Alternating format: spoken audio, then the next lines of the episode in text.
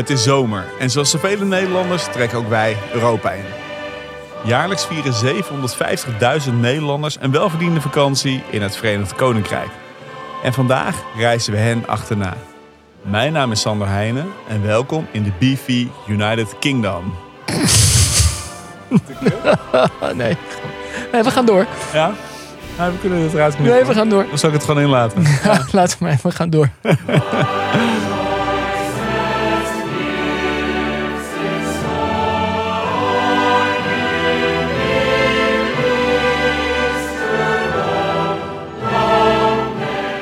Ja, Hendrik Noten. Het Verenigd Koninkrijk. Ja, Heb jij daar warme herinneringen aan? eh, totaal. Nou, Of vooral eentje. natte? Eentje. Ik heb ooit, eh, toen ik op de middelbare school zat, eh, deden we zo'n zo'n schoolreis of, of naar Engeland. Met een bus nog. Met de bus naar Engeland met de boot. Met de bus, met de bussen op de trein. De bus op de trein. Gaat de bus niet op de trein door de kanaaltunnel? Volgens mij wel. Staat me wel iets van bij. Ja, ik dacht ja. dat daar vooral een hele snelle trein doorheen ging. Ja, volgens mij kan je hebben ook met van die laders. Oké. Eh, en toen eh, wilden we graag naar een voetbalwedstrijd. Want ja, je bent 16 en je bent in Londen. En toen eh, konden we nog kaartjes krijgen voor Arsenal tegen de Hull City Tigers Oké. uit Hull. Maar ik kon alleen kaartjes krijgen voor het uitvak. Oké. Ja, en dat kan daar gewoon. Omdat Ja, gewoon kopen. ja, ze mappen elkaar iets minder de, de hersenen dan hier Ja, tegenwoordig. tegenwoordig, ja. En toen zaten we in één keer met drie van die 16-jarige Nederlandse jongetjes tussen allemaal supporters uit Hull. Nou is Hull wel een stad in Engeland. Eh, volgens mij is het een havenstad. Klinkt als een hol. Ja, dat is het ook echt een beetje. En die lui hebben toen echt mijn hart gestolen. Oh ja? Ja, ja, want uh, Hull won ook uiteindelijk met eh 1-2. Eh, Robin van Persie scoorde nog voor Arsenal. En aan het eind van de, aan het eind van de wedstrijd herinner ik me nog dat wij ook met z'n drieën in dat uitvak stonden te schreeuwen. We are the Hull City Tigers. Ra, ra. En dan van die klauwen, van die klauwen zo te doen. Ik liet me helemaal meevoeren door die lui. Ja, ja. En jij was natuurlijk gewend om bij Pek Zwolle op de tribune te staan. zeker. Dus het was natuurlijk een enorme beleving. Aan. Was wel een upgrade, ja. Sowieso uitpubliek is ook wel vrij fanatiek altijd, hè? Heel fanatiek, maar de sfeer was dus, het was dus ook wel heel, eh, heel warm of zo op de een of andere manier. Oh ja? Dus ja, ik vond het wel, overduidelijk hoorden wij dat niet, maar we werden daar wel opgenomen in dat, eh, in dat, eh, ja, in dat, in dat gewoel. Dat was wel, was wel nice. Leuk. Ja, jij Engelse ervaringen? Nou, ik ben een keer van Engels. Ik heb wel wat Engelse ervaringen, maar die zijn redelijk beperkt. En vroeger in mijn jeugd. Maar ik ben een keer met, toen ik studeerde, ben ik naar Ierland gefietst. Je denkt naar Ierland fietsen, daar zit toch allemaal water tussen. Ik wou net zeggen, met de waterfiets misschien. Eh, nee, met de ferry eh, naar Edinburgh. En dan eh, fietsen naar, naar de overkant, zeg maar. Voornamelijk door Schotland en Noord-Engeland. En dan de boot naar Belfast. En dan ben je nog steeds in United Kingdom, want Noord-Ierland valt daar ook onder. Maar ik herinner me dat deel op het Britse eiland. Hè, het eiland Engeland-Schotland. Toch vooral regen en wind tegen. Ja, Drie dagen lang. ellende. Ja, en later, dat is wel grappig. Toen werkte ik inmiddels bij de Volkskrant. En dan krijg je af en toe van die persreizen aangeboden. En dan kan je voor Volkskrant reizen. was het enige element in de krant. Waarbinnen je dan eh, van een VVV kon je dan gewoon een kant-en-klare rei- persreis aangeboden krijgen. Dan moet je Ja. een stuk maken voor Volkskrant reizen. Dus Oh, zo denk- gaat dat ook. ja, zo gaat dat. Ja, zo gaat reisjournalistiek. Dat wordt allemaal Oei. betaald door lokale VVV's. Ja, Oh, wordt er- de Volkskrant meldt het er wel keurig bij. Het is een halve advertorial. Eigenlijk is het natuurlijk... Ja, precies. Nou, precies dat. Ja. Ik heb hele mooie trips gemaakt overigens. Ja, dat Eh, zal. En daar heel mooi over geschreven. Maar... Zeker, zeker, zeker. Maar eh, Peter de Waard is een, eh, een zeer gewaardeerde oud-collega. Is inmiddels met pensioen. Al zal het Volkskrant-lezers niet opvallen, want hij schrijft nog steeds een stuk of acht stukken per week volgens mij voor de Ja. krant. Maar die was correspondent in Engeland en die kreeg dus zo'n persreis naar Schotland aangeboden. En eh, die ging daarheen en die ging allemaal dingen doen. Op zich leuke dingen voor boomers. Dus hij ging daar golven en eh, dineren en eh, naar kastelen en weet ik veel wat. Maar had dus de hele week had hij, had hij mist en regen en kutweer en alles gehad. Gewoon alle voordelen weet je, die je hebt. Je hebt toch een beetje het, het, het, het gevoel van een beetje donker, mistig, grauw, grijs eiland... waar allemaal ongelukkige mensen wonen die... eh, nou ja, een beetje mijn jeugd. Maar als je de film Trainspotting hebt gezien... die allemaal aan de heroïne zijn. Ja. Met een reden. Ja. En eh, toen had hij een stuk gemaakt. Had hij gewoon echt precies opgeschreven wat hij had beleefd. Dus boven dat stuk stond een heel grote kop. Paradijs van regen en mist. Wat een goede titel. Ja, vonden ze niet bij het persbureau, eh, Nee, bij, het, dat- eh, bij het eh, toerismebureau van Schotland. Money well spent, inderdaad. Ja, dus eh, ja, Peter de Waard heeft daarna nooit meer zo'n reisje aangeboden gekregen. maar die hoeft ook niet meer daar naartoe, eh, stel ik me voor. Nee, Mooi. maar dat was eh, schitterend. Ja, het was een mooie. eh, eh, dus dat, dat zijn een beetje mijn herinneringen met toeristisch Engeland en Schotland. Ja, Engeland dus. Hoeveel mensen wonen daar? Eh, in Engeland wonen wel geteld bijna 68 miljoen. Ja, het is het hele Verenigd Koninkrijk, hè, denk ik. Ja, dan hebben we het wel over het hele Verenigd Koninkrijk. Nou, het zijn er toch best wat. Dat zijn er best wat. Plekje 21 op de wereldranglijst. Ah, mooi. Net iets boven Frankrijk. Ja, Er zijn iets meer eh, Britten dan dat er eh, Fransen zijn. ik weet niet wat erger is. Fransen of ik- Britten. Ik, laat, ik wil net zeggen, ik laat het aan een ieder om daar wat van te vinden. Allemaal hun eigenaardigheden. Hè? Ja, dat kan je wel zeggen, ja. Dus eh, nee, ja, serieus land natuurlijk. En eh, qua handel, hoe, eh, hoe ziet dat eruit? Eh, Nederland exporteerde in 2021 aan goederen 8 voor 38 miljard euro naar het VK.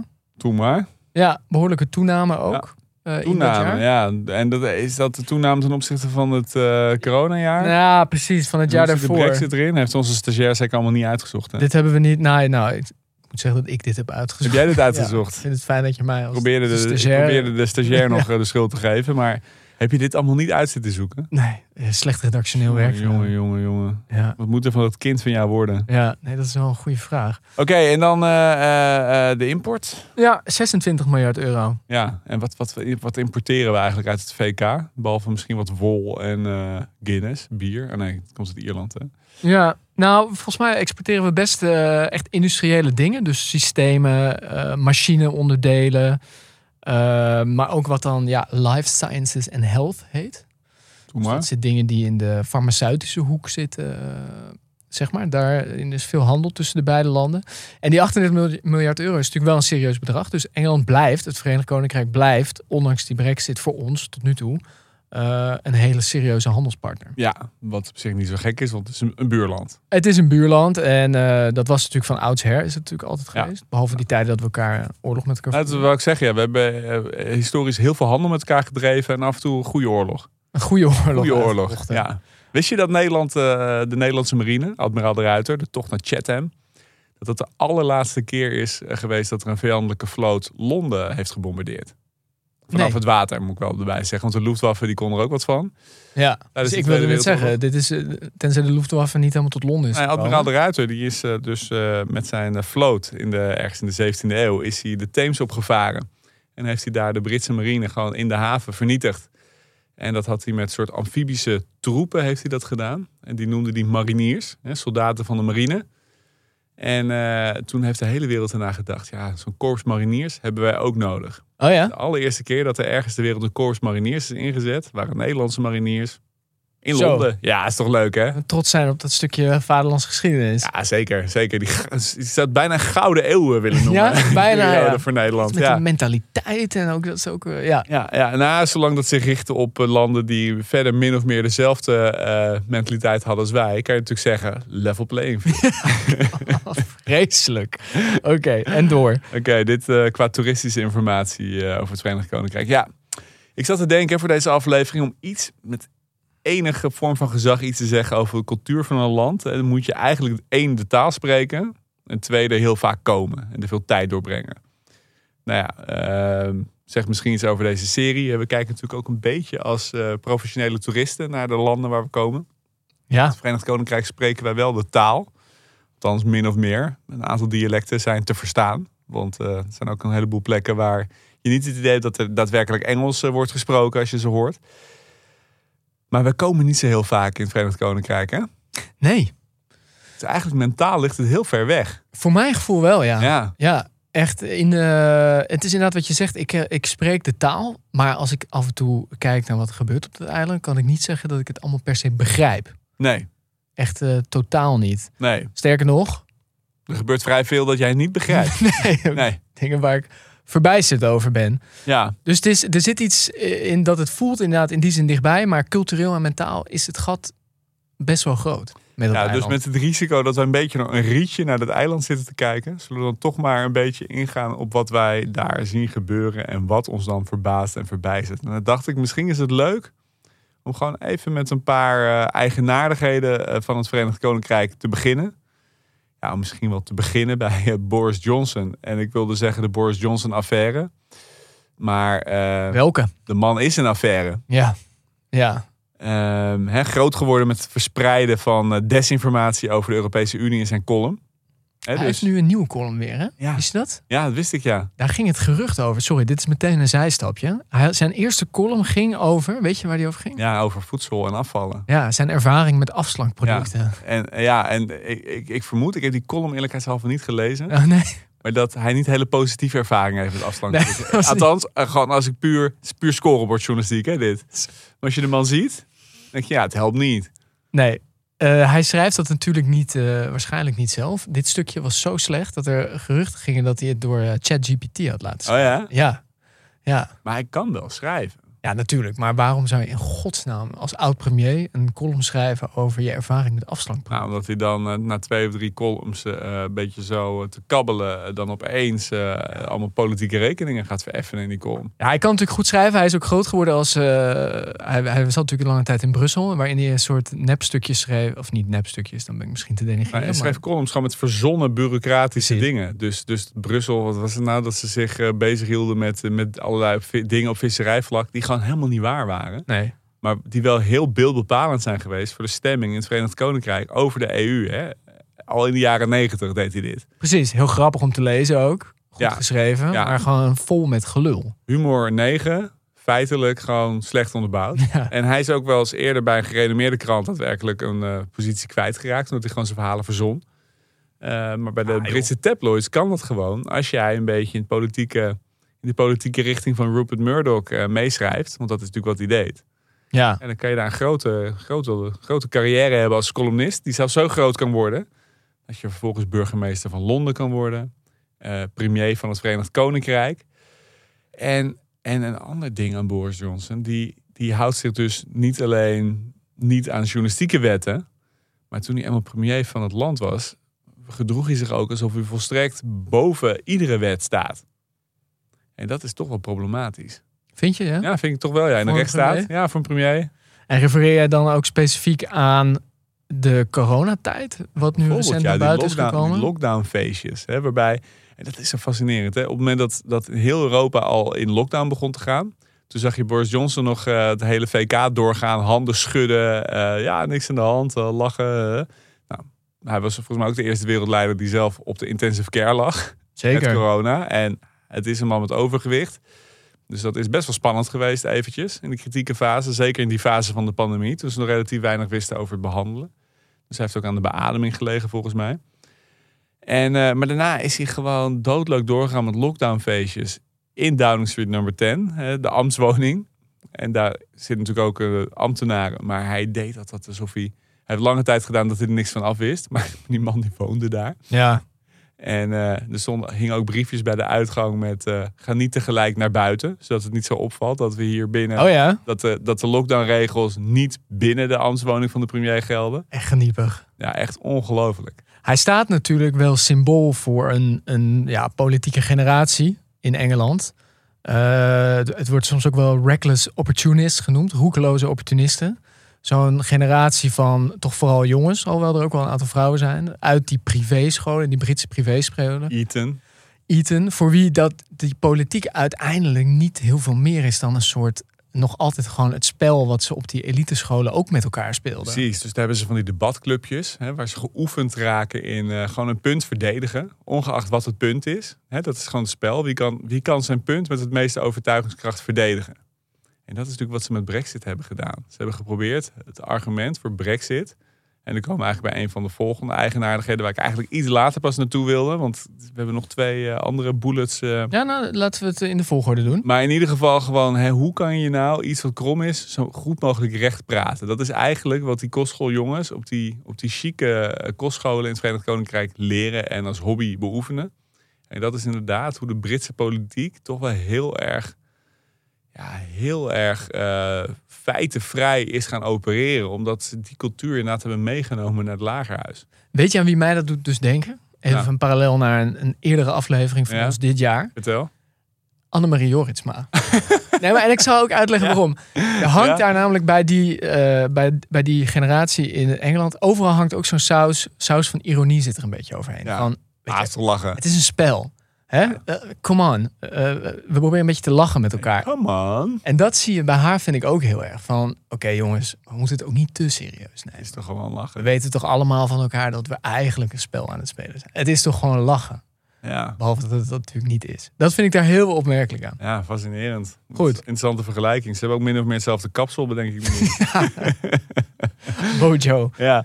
Hey, en nog, nog een ander dingetje toch? Verenigd Koninkrijk. Het heeft helemaal niet zoveel aandacht gekregen. Terwijl het- ik vind het toch wel vrij opmerkelijk. Nicola Sturgeon, het Ja. heel lang premier geweest van Schotland. Gangmaker achter het eh, succes van het Schotse nationalisme. Dat gek genoeg ook heel pro-Europees is. En meestal gaat nationalisme tegen eh, Europese integratie. Maar Schotse nationalisme, hè, dat wil zich losmaken uit het Verenigd Koninkrijk. Maar dan wel als zelfstandig land meedoen in de Europese integratie. Maar die is eh, kort na haar aftreden gearresteerd door de Schotse politie. Gerommel met campagnegelden. Ja. En ze is wel weer op vrije voeten, maar dat, eh, dat gaat nog een staartje krijgen. En ik vind dat toch ook fascinerend. Dat dat, ja, het was gewoon een beetje een soort van voetnootje in de krant, had ik het idee. Terwijl een premier van een Europees land. En dat komt dan denk ik omdat Schotland toch een soort van onderland is binnen het VK. Laten ze ze niet horen, maar... Nee, nou, ik denk, ik versta hen niet, maar zij mij ook niet.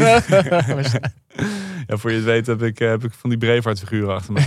Het zou wel wat zijn. Nee, maar ik denk dat, dat, dat, dat het zo wordt gezien in ieder geval. Laat ik Ja, het zo ja, ja. zeggen.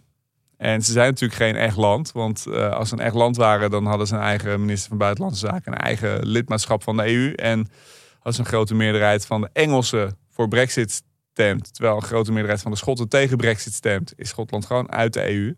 Dus laten we wel wezen, het is geen echt land. Hè, behalve als ze gaan voetballen. Maar, eh, ehm, maar in ieder geval, ja, ik vind het toch wel heel opmerkelijk dat dat gewoon zomaar gebeurt. Eh, en dan, daar moeten we het ook even over hebben, Prins Harry. Oh, je wilt het even nog over Royals hebben. Ik vind... Oké. Ken jij Edwin de Roy van Zuiderwijn nog? Eh, ja. Die was eh, getrouwd met eh, prinses Margarita, een nichtje Ja. van eh, Beatrix. Een jaar of twintig geleden heeft die, nou, hebben die twee een beetje de vuile was van de Oranjes, een beetje buiten gehangen. Ja, hij is vanuit boekje gemaakt. geklapt. Ja. Ja, en hij zei dat die prinsjes, Willem van Oranje, ons huidige, Willem van Oranje, Willem-Alexander, ons huidige koning en zijn broertjes, dat hij in de Gouden Koets, dat hij onder de ramen door zijn middelvingers opstaken naar het publiek bij Prinsjesdag. Dat was in ieder geval wat Roy, eh, Edwin de Roy van Zuiderwijn eh, beweerde. Redelijk eh, losgeslagen gek, ook wel misschien. ja. Maar in ieder geval, Prins Harry is Edwin de Roy van Zuiderwijn on steroids. Oh ja, vind je? nou, daar is hij mooi klaar mee.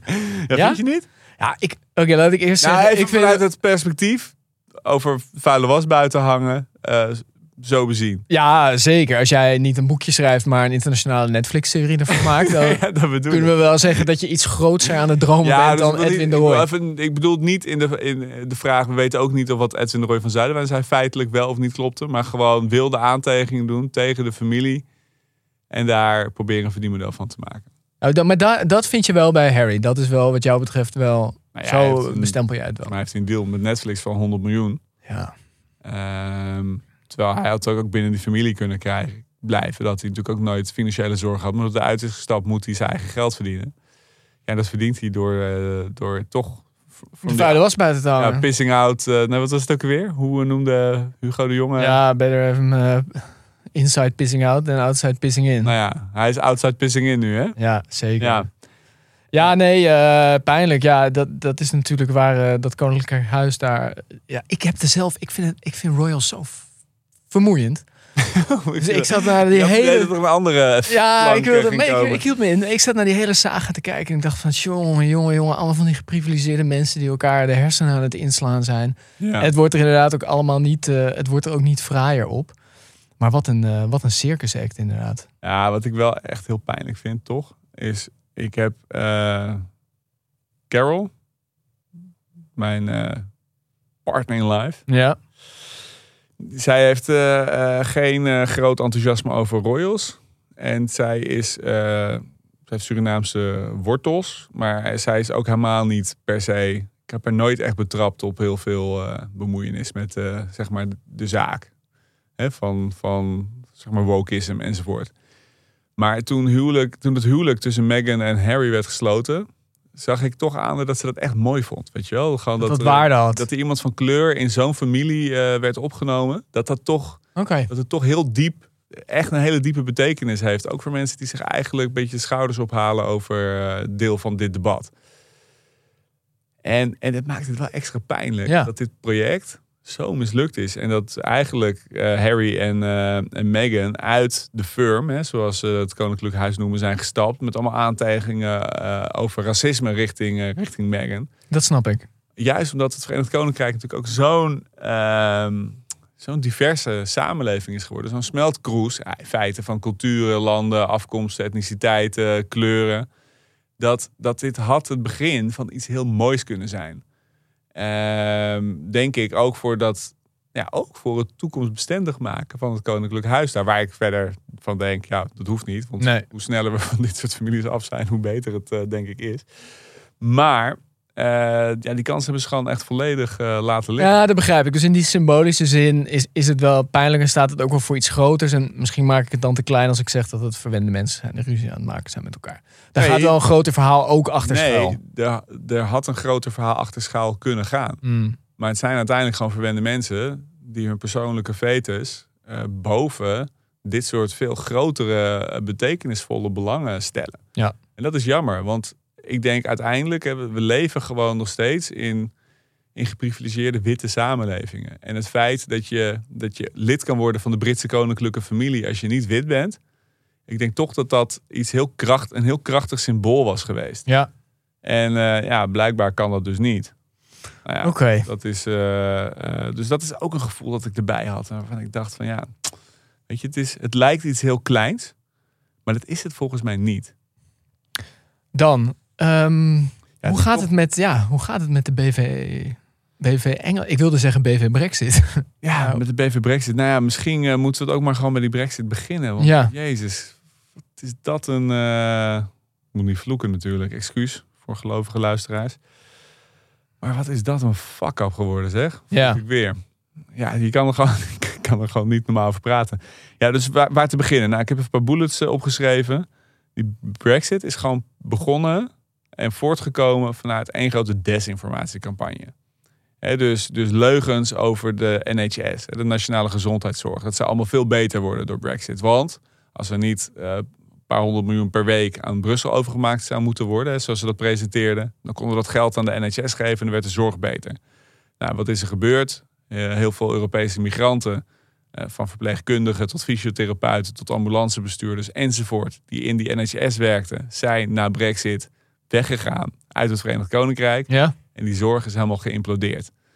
Ehm, en dat de economie eh, al een tijd in het slop zit. eh, ook door die brexit. Hè, die hebben gewoon slechtere economische ontwikkeling dan Rusland. Dat heel erg gesanctioneerd wordt. Hè, want het, Britse, de Britse economie, als je puur kijkt naar de groei, staat er dus, presteert gewoon veel slechter dan eh, welk Europees land ook.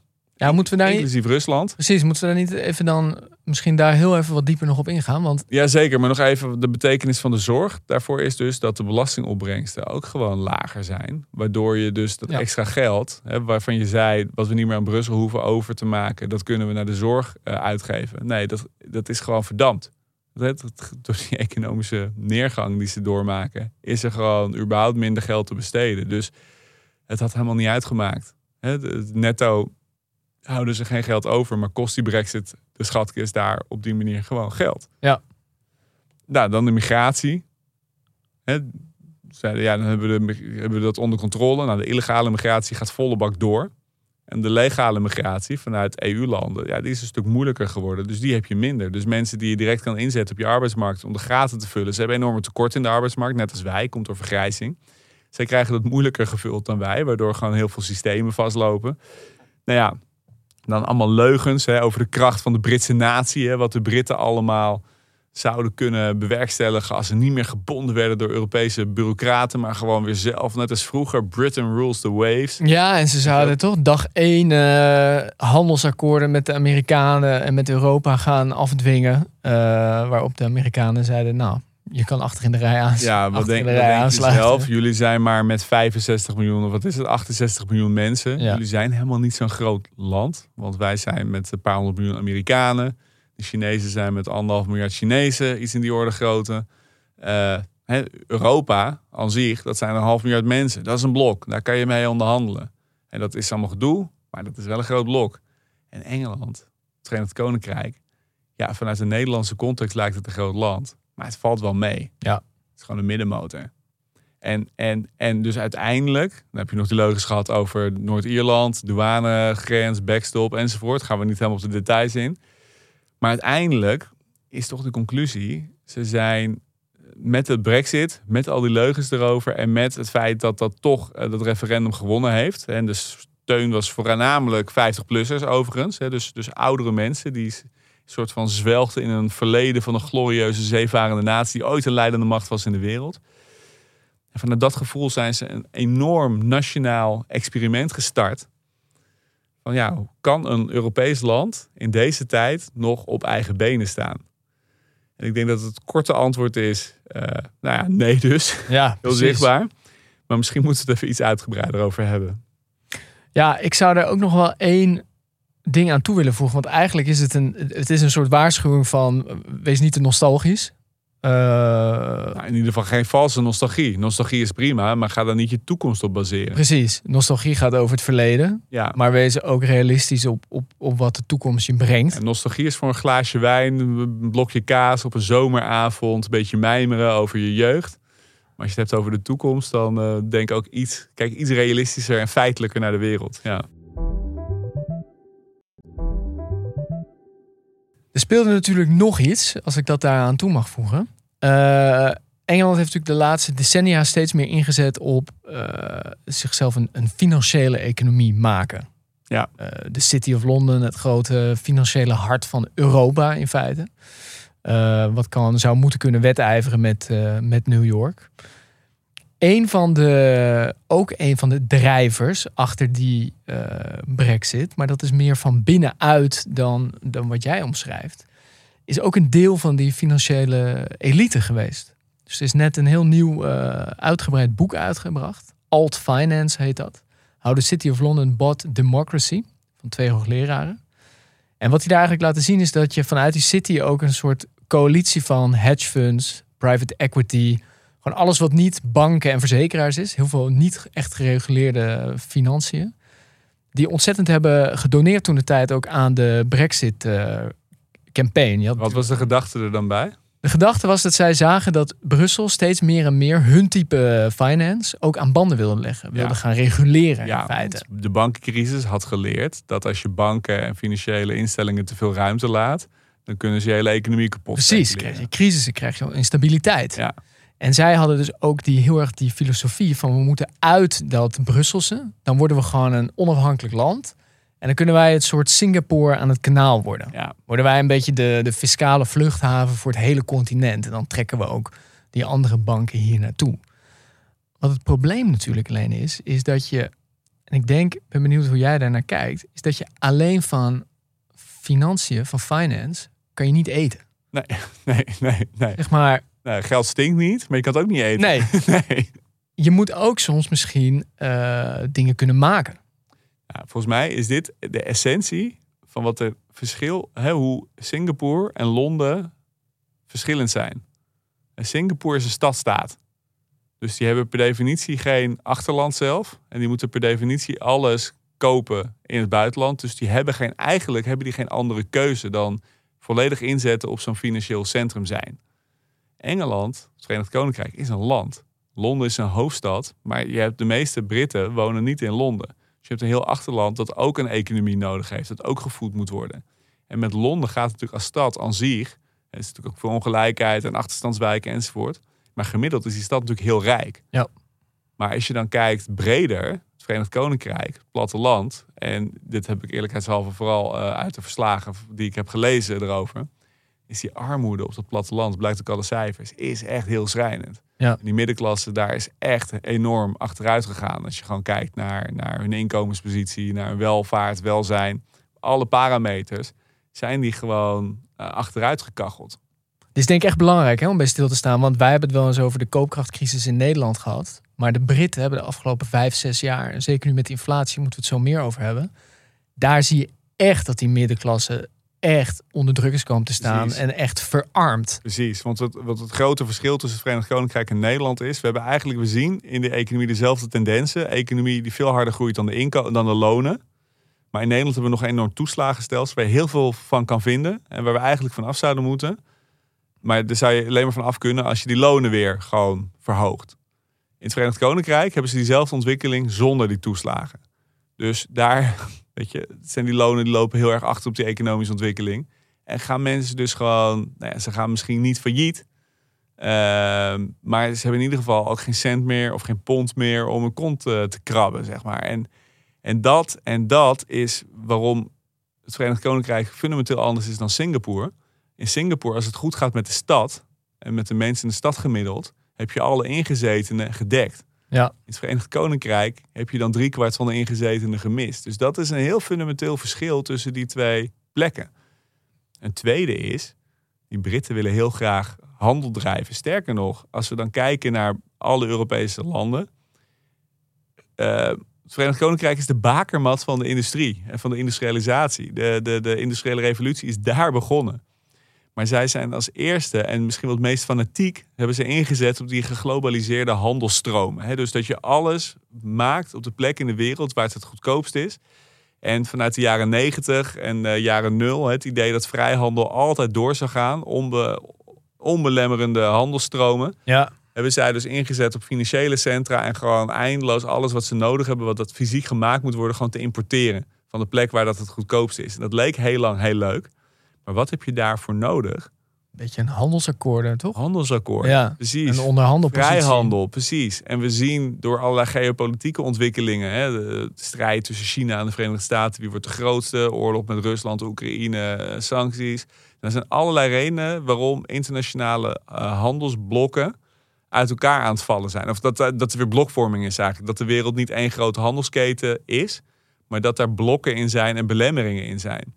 Precies, dus bijvoorbeeld nu, eh, de eh, crisis, eh, oorlog Oekraïne, gas. Hoe krijgen we zo snel mogelijk vloeibaar gas? Dan is er concurrentie tussen handelsblokken om dat vloeibare gas te krijgen. Precies. Hetzelfde is straks misschien met lithium voor batterijen. Ik noem maar wat. We hebben het met vaccinaties gezien. Mondkapjes. En daar staan ze er nu telkens alleen voor in feite. Precies, precies. En, en, en uiteindelijk handel doe je toch voornamelijk met je buurlanden. Dus ze hebben op een gegeven moment een prachtige handelsdeal gesloten met Nieuw-Zeeland. Nou, hartstikke leuk. Ja, fucking ver weg. Dus ze kunnen wat kiwis en wat appels uit Nieuw-Zeeland importeren. Maar het is wel aan de andere kant van de wereld. Letterlijk. En het gros van de handel van het Verenigd Koninkrijk is natuurlijk met de Europese Unie. Ja. Met Nederland, met België, met Frankrijk. Met, eh, en, en, en door uit die handelsunie te stappen, er is gewoon geen rationeel argument voor. Te meer, daar is, als er één land in Europa niet zelfvoorzienend is in productie van voedsel, van energie, van eh, industriële producten, apparaten, en is het Groot-Brittannië. Ja. Dus dat maakt het zo krankzinnig. En, en dit en al deze argumenten hebben dus geen enkele rol van betekenis gespeeld in de campagne voor of tegen Brexit. Dat is gewoon zo, zo fascinerend. Dat hebben ze gewoon helemaal niet gezien in 2016. Ja, of niet. wi- Nee. Ja, of het sneeuwde onder, Nee, ik bedoel, de argumenten waren er. Sneeuwde onder in de, in de krantenpagina's van de, de tabloids, zeg maar. Ja, Eh, precies. hè, met allerlei leugens waar we net over hadden. Over de NHS, over migratie, over eh, de kracht van de Britse natie en zo. Ja, dat soort bullshit. Maar dit is dus wel een van de redenen dat eh, dus een, een belangrijk deel van de bevolking daar gewoon echt verarmt op dit moment. ja Ik bedoel, we kunnen er macro over spreken, we kunnen er grap over maken, maar er zijn gewoon gezinnen die daar heel hard de prijs. Het is self-inflicted. betalen. Het is gewoon, gewoon echt. Ze, zijn, ze, hebben echt, hun best aan het doen om een soort van economische harikiri te plegen. Met, met hoe ze die Brexit hebben vormgegeven. En zijn twee elites die dat land wel naar de rand van de afgrond brengen. Die politieke elite, Boris Johnson, maar ook die financiële elite in, dat, in, dat, in die city. ja, Daar dat in zijn Londen natuurlijk, natuurlijk. twee handen op één buik ook hè, in heel veel gevallen. Ja. Ik bedoel, Engeland is natuurlijk ook echt nog een klassieke klasse- en standen samenleving.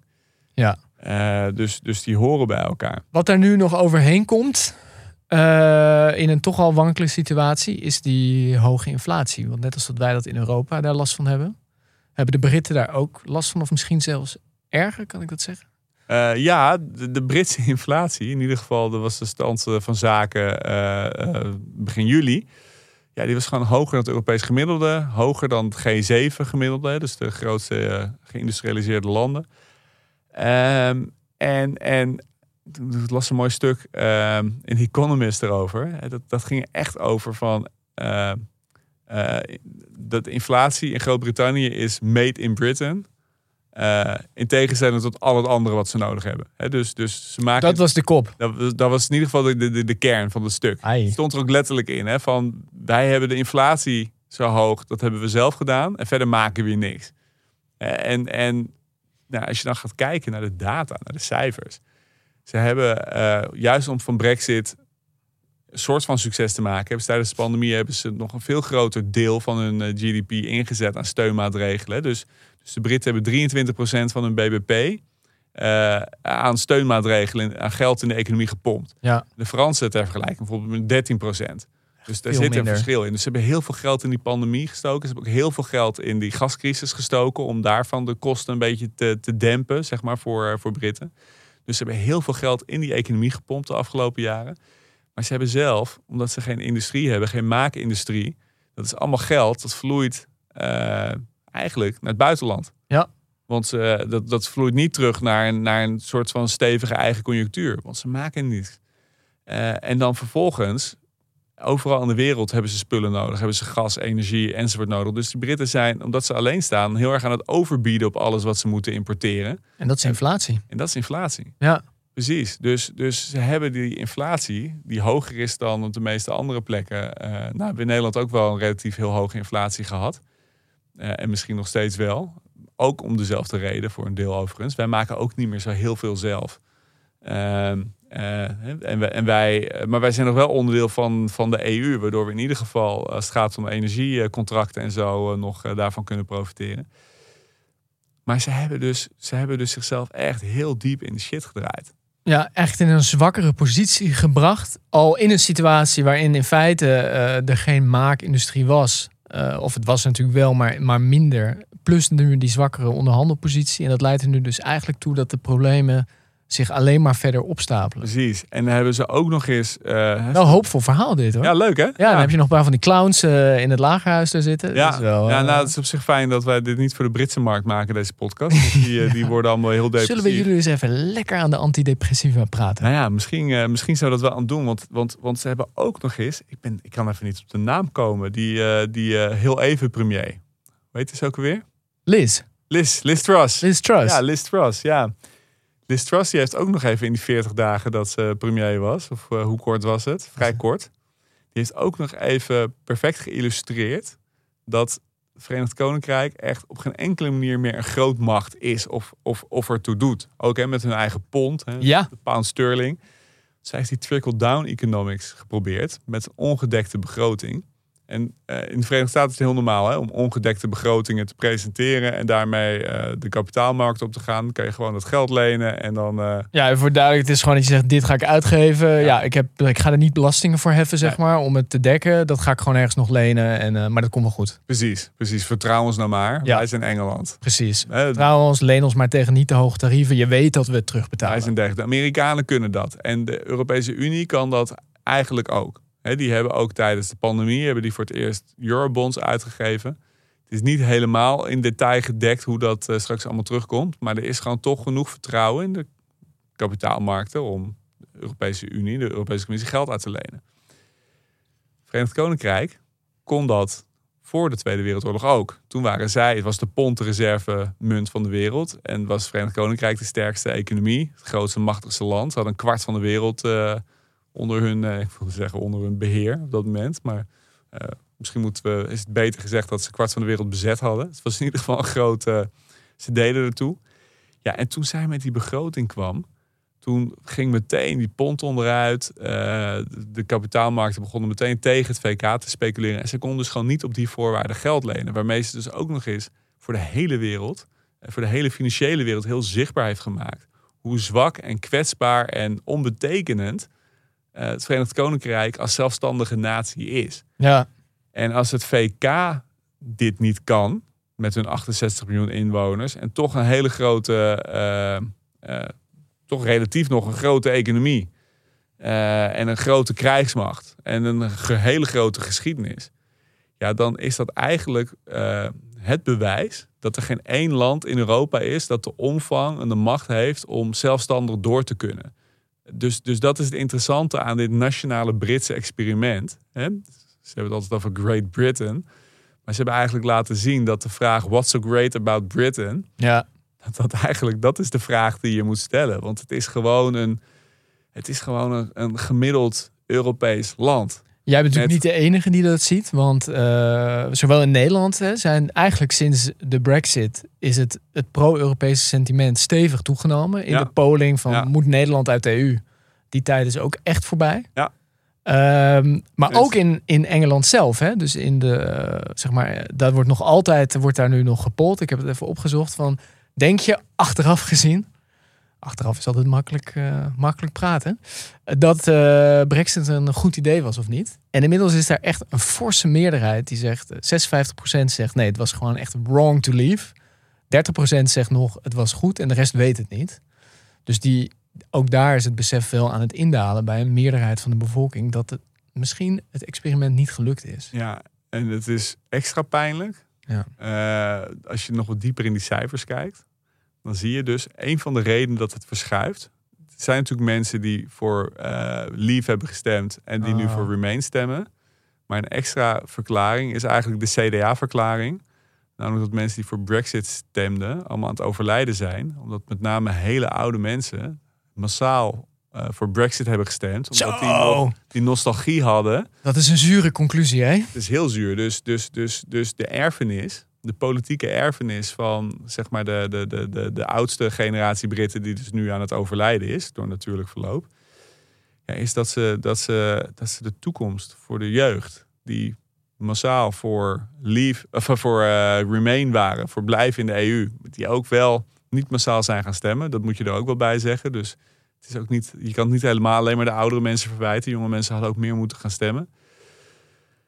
Maar dit, dit, weet je, Ja, nee, dat is gewoon heel pijnlijk. En dan zul je zien dat het alleen maar verder uit elkaar gaat lopen. Ja, vroeg of laat moet dat politieke consequenties hebben. Ik zou toch de vraag willen opwerpen. Waar is het lichtpuntje? Waar moet, eh, behalve de Hull City Tigers en hun, eh, hun eh, warmbloedige fans... Waar, waar zit voor Engeland de uitweg? Is dat dan toch misschien... Ik zal niet zeggen met hangende pootjes... want je moet nooit je tegenstanders vernederen, hebben we geleerd. ook op dit continent. Maar is het toch de weg dat je terug? echt veel sterker bent. Ja, en ook wel denkt van, hé, hey, dat ben ik over tien jaar nog steeds. ja. Ja, inderdaad, ja. Als de Fransen nou gewoon... Hè? Maar ja, ja. het was natuurlijk toch gewoon een loopgravenoorlog. Nee, is dat toch de weg terug naar Europa? Is, Nou, zou dat de manier Als je zijn? dan toch vraagt om een lichtpuntje. Ik denk dat het licht komt in deze, eh, misschien wel uit Parijs. Oh, zo. Macron. Eh, Vind ik heel mooi hoe je die eh, slaat, hoor, naar ja, de lichtstad. ja, Ja, dat is wel heel mooi. hè? Ja, ja, poëtisch in de zomer. Nee, Macron die heeft eh, vorig jaar een idee geopperd eh, om een Europese politieke gemeenschap te starten. Dus dat is een organisatie die naast de EU bestaat, maar waarin een aantal landen die niet in de EU zitten of daar direct aanspraak op maken om lid te worden, toch eh, een regulier politiek orgaan met elkaar vormen om gewoon een sterkere geopolitieke vuist te kunnen maken en ook misschien wel als een soort van Voorportaal. eh, voorportaal voor lidmaatschap van de EU eh, te zijn. En dat is natuurlijk naar aanleiding van de oorlog in Oekraïne. En om snel iets te kunnen bieden aan landen als Moldavië, Oekraïne, Servië. Hè, al die landen die niet in de EU zitten, maar er eigenlijk misschien wel bij zouden willen of graag erbij willen. En de Verenigd, de Britten, eh, die staan eigenlijk te popelen om, eh, om daar een eh, grote rol ook in te mogen spelen. Zelfs Ja, zo erg. Ze zijn nu afgelopen voorjaar voor het eerst bij elkaar gekomen. Grote top in Moldavië, dat weet je misschien nog wel. De Britten die wilden heel graag die eerste grote top organiseren. Maar goed, Macron zei ook van ja, ja, hallo. hallo, ik ben wel even een stukje sterker dan jullie nu. Dus, en we doen dat eerst om ook een signaal naar Moskou uit te zenden. Doen we dat eerst in Moldavië. Hè, om te echt te laten zien, die horen erbij. Die horen bij ons. Maar de volgende grote top gaat in het Verenigd Koninkrijk plaatsvinden. En de Britten staan te popelen om hier een leidende rol in te nemen. En we gaan natuurlijk volgend jaar, of volgens mij over anderhalf jaar maximaal verkiezingen krijgen weer in het Verenigd Koninkrijk. Nou, de kans dat de conservatieven dan nog eh, in het parlement zitten, of in het parlement zitten, zit, zitten ze natuurlijk nog, maar in de regering zitten daarna, is natuurlijk heel klein. Ja. Ja, en dan kan een nieuwe, eh, hoe heet hij ook weer? Eh, ik, ik kan zijn naam nooit uitspreken. Maar goed, de leider van Labour in het Verenigd Koninkrijk. Keir, ja. Keir Starmer. Keir Starmer, ja, was een naam. Maar goed, in ieder geval, die kan natuurlijk eh, dat dan verder gaan uitbouwen. En eh, de, de, de, de, de banden met de EU weer gaan aanhalen. En misschien wel weer op een gegeven moment lid worden van, eh, van een aantal van die verdragen. Want uiteindelijk, een van de moeilijkheden om lid te worden in, van de EU, is dat je hele wetgeving in lijn moet brengen met de EU-wetgeving. Maar de Britten hebben natuurlijk bijna al een wetgeving nog in lijn met EU-wetgeving. Dus die kunnen relatief makkelijk weer Oké. treden. Ze moeten wel wat stof happen eerst. Uh, maar op zich een nieuwe regering die part nog deel aan de brexit heeft gehad. Het nieuwe Ja. mensen, die zou natuurlijk uiteindelijk, zeker als het nog een paar jaar zo doorgaat zoals het nu gaat in het Verenigd Koninkrijk, die kunnen natuurlijk gewoon weer aansluiten. Nee, en het enige wat je moet hopen is dat hoe het nu gaat, die verslechterende omstandigheden, dat het niet leidt tot nog meer gekken aan de macht. Dus dat, dat je wel moet hopen dat deze lijn dan wordt doorgezet. Ja, en dat het niet radicaliseert. En dan is Precies. misschien wel weer het voordeel van het twee partijenstelsel wat ze daar hebben. Nou, ze hebben ook de Lib Dems, maar ze hebben per district moet je een eh, absolute meerderheid hebben. Dus de kans dat daar een buitenstaander tussen komt, is wel een stuk kleiner dan, ehm, dan in onze democratie, hè, dan het vertegenwoordigende stelsel. Maar hebben we ook geleerd van het Verenigd Koninkrijk eh, en de Verenigde Staten met Trump. Als het ze lukt, hebben ze ook wel buitengewoon veel invloed. Zo is het. En ik zou zeggen, de afgelopen jaren hebben we ook bewezen dat het probleem niet alleen van de buitenstaanders komt in Engeland. Maar dat er uit de binnencirkel toch ook de nodige clowns komen Nee, dus dat is natuurlijk het probleem. Dat is hetzelfde Ja. wat er is gebeurd met eh, Trump. Dat, dat, dat als de gekken binnen een partij de macht weten over te nemen. Ja, dan eh, komen de gekkies ook gewoon meteen eh, op de hoogste ambten terecht. Maar goed, je vroeg Mooi. mij om een lichtpuntje. Nee, dit is een heel goed Je, lichtpuntje ziet volgens wel, mij. eh, je Ja. ziet wel terugtrekkende bewegingen richting Europa. En het zou mij niks verbazen als ze over tien jaar gewoon echt weer integraal onderdeel zijn op de een of andere manier van het Europese framework. Om maar Precies. even goed Europees woord te gebruiken. Ja, heel mooi. En om even die luisteraar echt even lekker dat vakantiegevoel te geven. Zeker. Oh ja, het is vakantie. Ik eh, leer daar wel van dat eh, zo op die dagen dat ik af en toe in mijn, in mijn hoofd het Wilhelmus hoor eh, schallen. En dat ik zo soms mijn ogen sluit en dan zie ik die Hollandse driekleur voor me wapperen. En die nationalistische gevoelens in mij echt aanzwellen. Dat het dan goed is om even aan de Britten te denken. En dan toch wellicht te proberen de volumeknop een klein beetje lager te zetten. Precies. Nostalgie en nationalisme zijn hartstikke leuk tijdens voetbaltoernooien en liedjeswedstrijden. Maar verder helpt het ons niet heel veel eh, eh, verder de 21ste eeuw in. Ik Goeie denk dat dat de grote les is van het experiment dat de Britten eigenlijk in het belang van alle Europeanen aan het eh, voeren zijn. Waarvoor dank. Nou zouden we, doen we ook nog, zou ik jou vragen van, hey, heb je nog tips voor mensen die naar Engeland gaan? Ja, Jij opende natuurlijk. ga naar Frankrijk. Ik wilde net zeggen, stap vooral snel terug de boot op. Eh, of de trein in, maar die rijdt er niet. Ehm, Nee, Londen schijnt natuurlijk een hartstikke leuke stad te zijn. Ik ken Londen persoonlijk niet zo goed. Ik heb hele goede verhalen over surfen in Cornwall gehoord. Eh, weet ik ook niet zo goed. Ik ben zelf in Belfast wel vrij uitgebreid wezen rondkijken.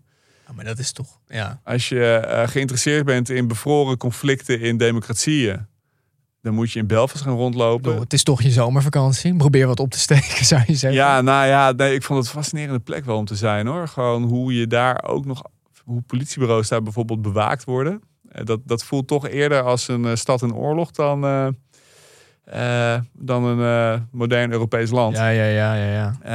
Ehm, ja, en verder. Ja. Verder hebben we niks zinnigs volgens mij Nee. te zeggen. Laten we er gewoon eerlijk Ga over niet, zijn. ga niet op de fiets, want de wegen liggen tegen steile heuvels op. Je hebt altijd wind tegen. Het is een paradijs van mist en regen. Wat was het? Paradijs van mist, regen en mist. Van regen en mist. Ja, Wel een mooie boektitel ook. ja. Ehm, ja, dan ronden we hem volgens mij af.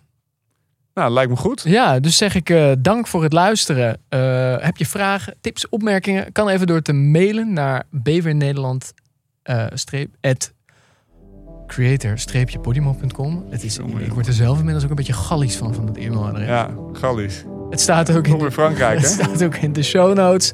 Of zoek ons even op op eh, Instagram, BV Nederland. Dan wordt het eh, steeds voller en gezelliger, kan ik zeggen. Eh, of op LinkedIn gewoon Hendrik Noten, Sander Heijnen.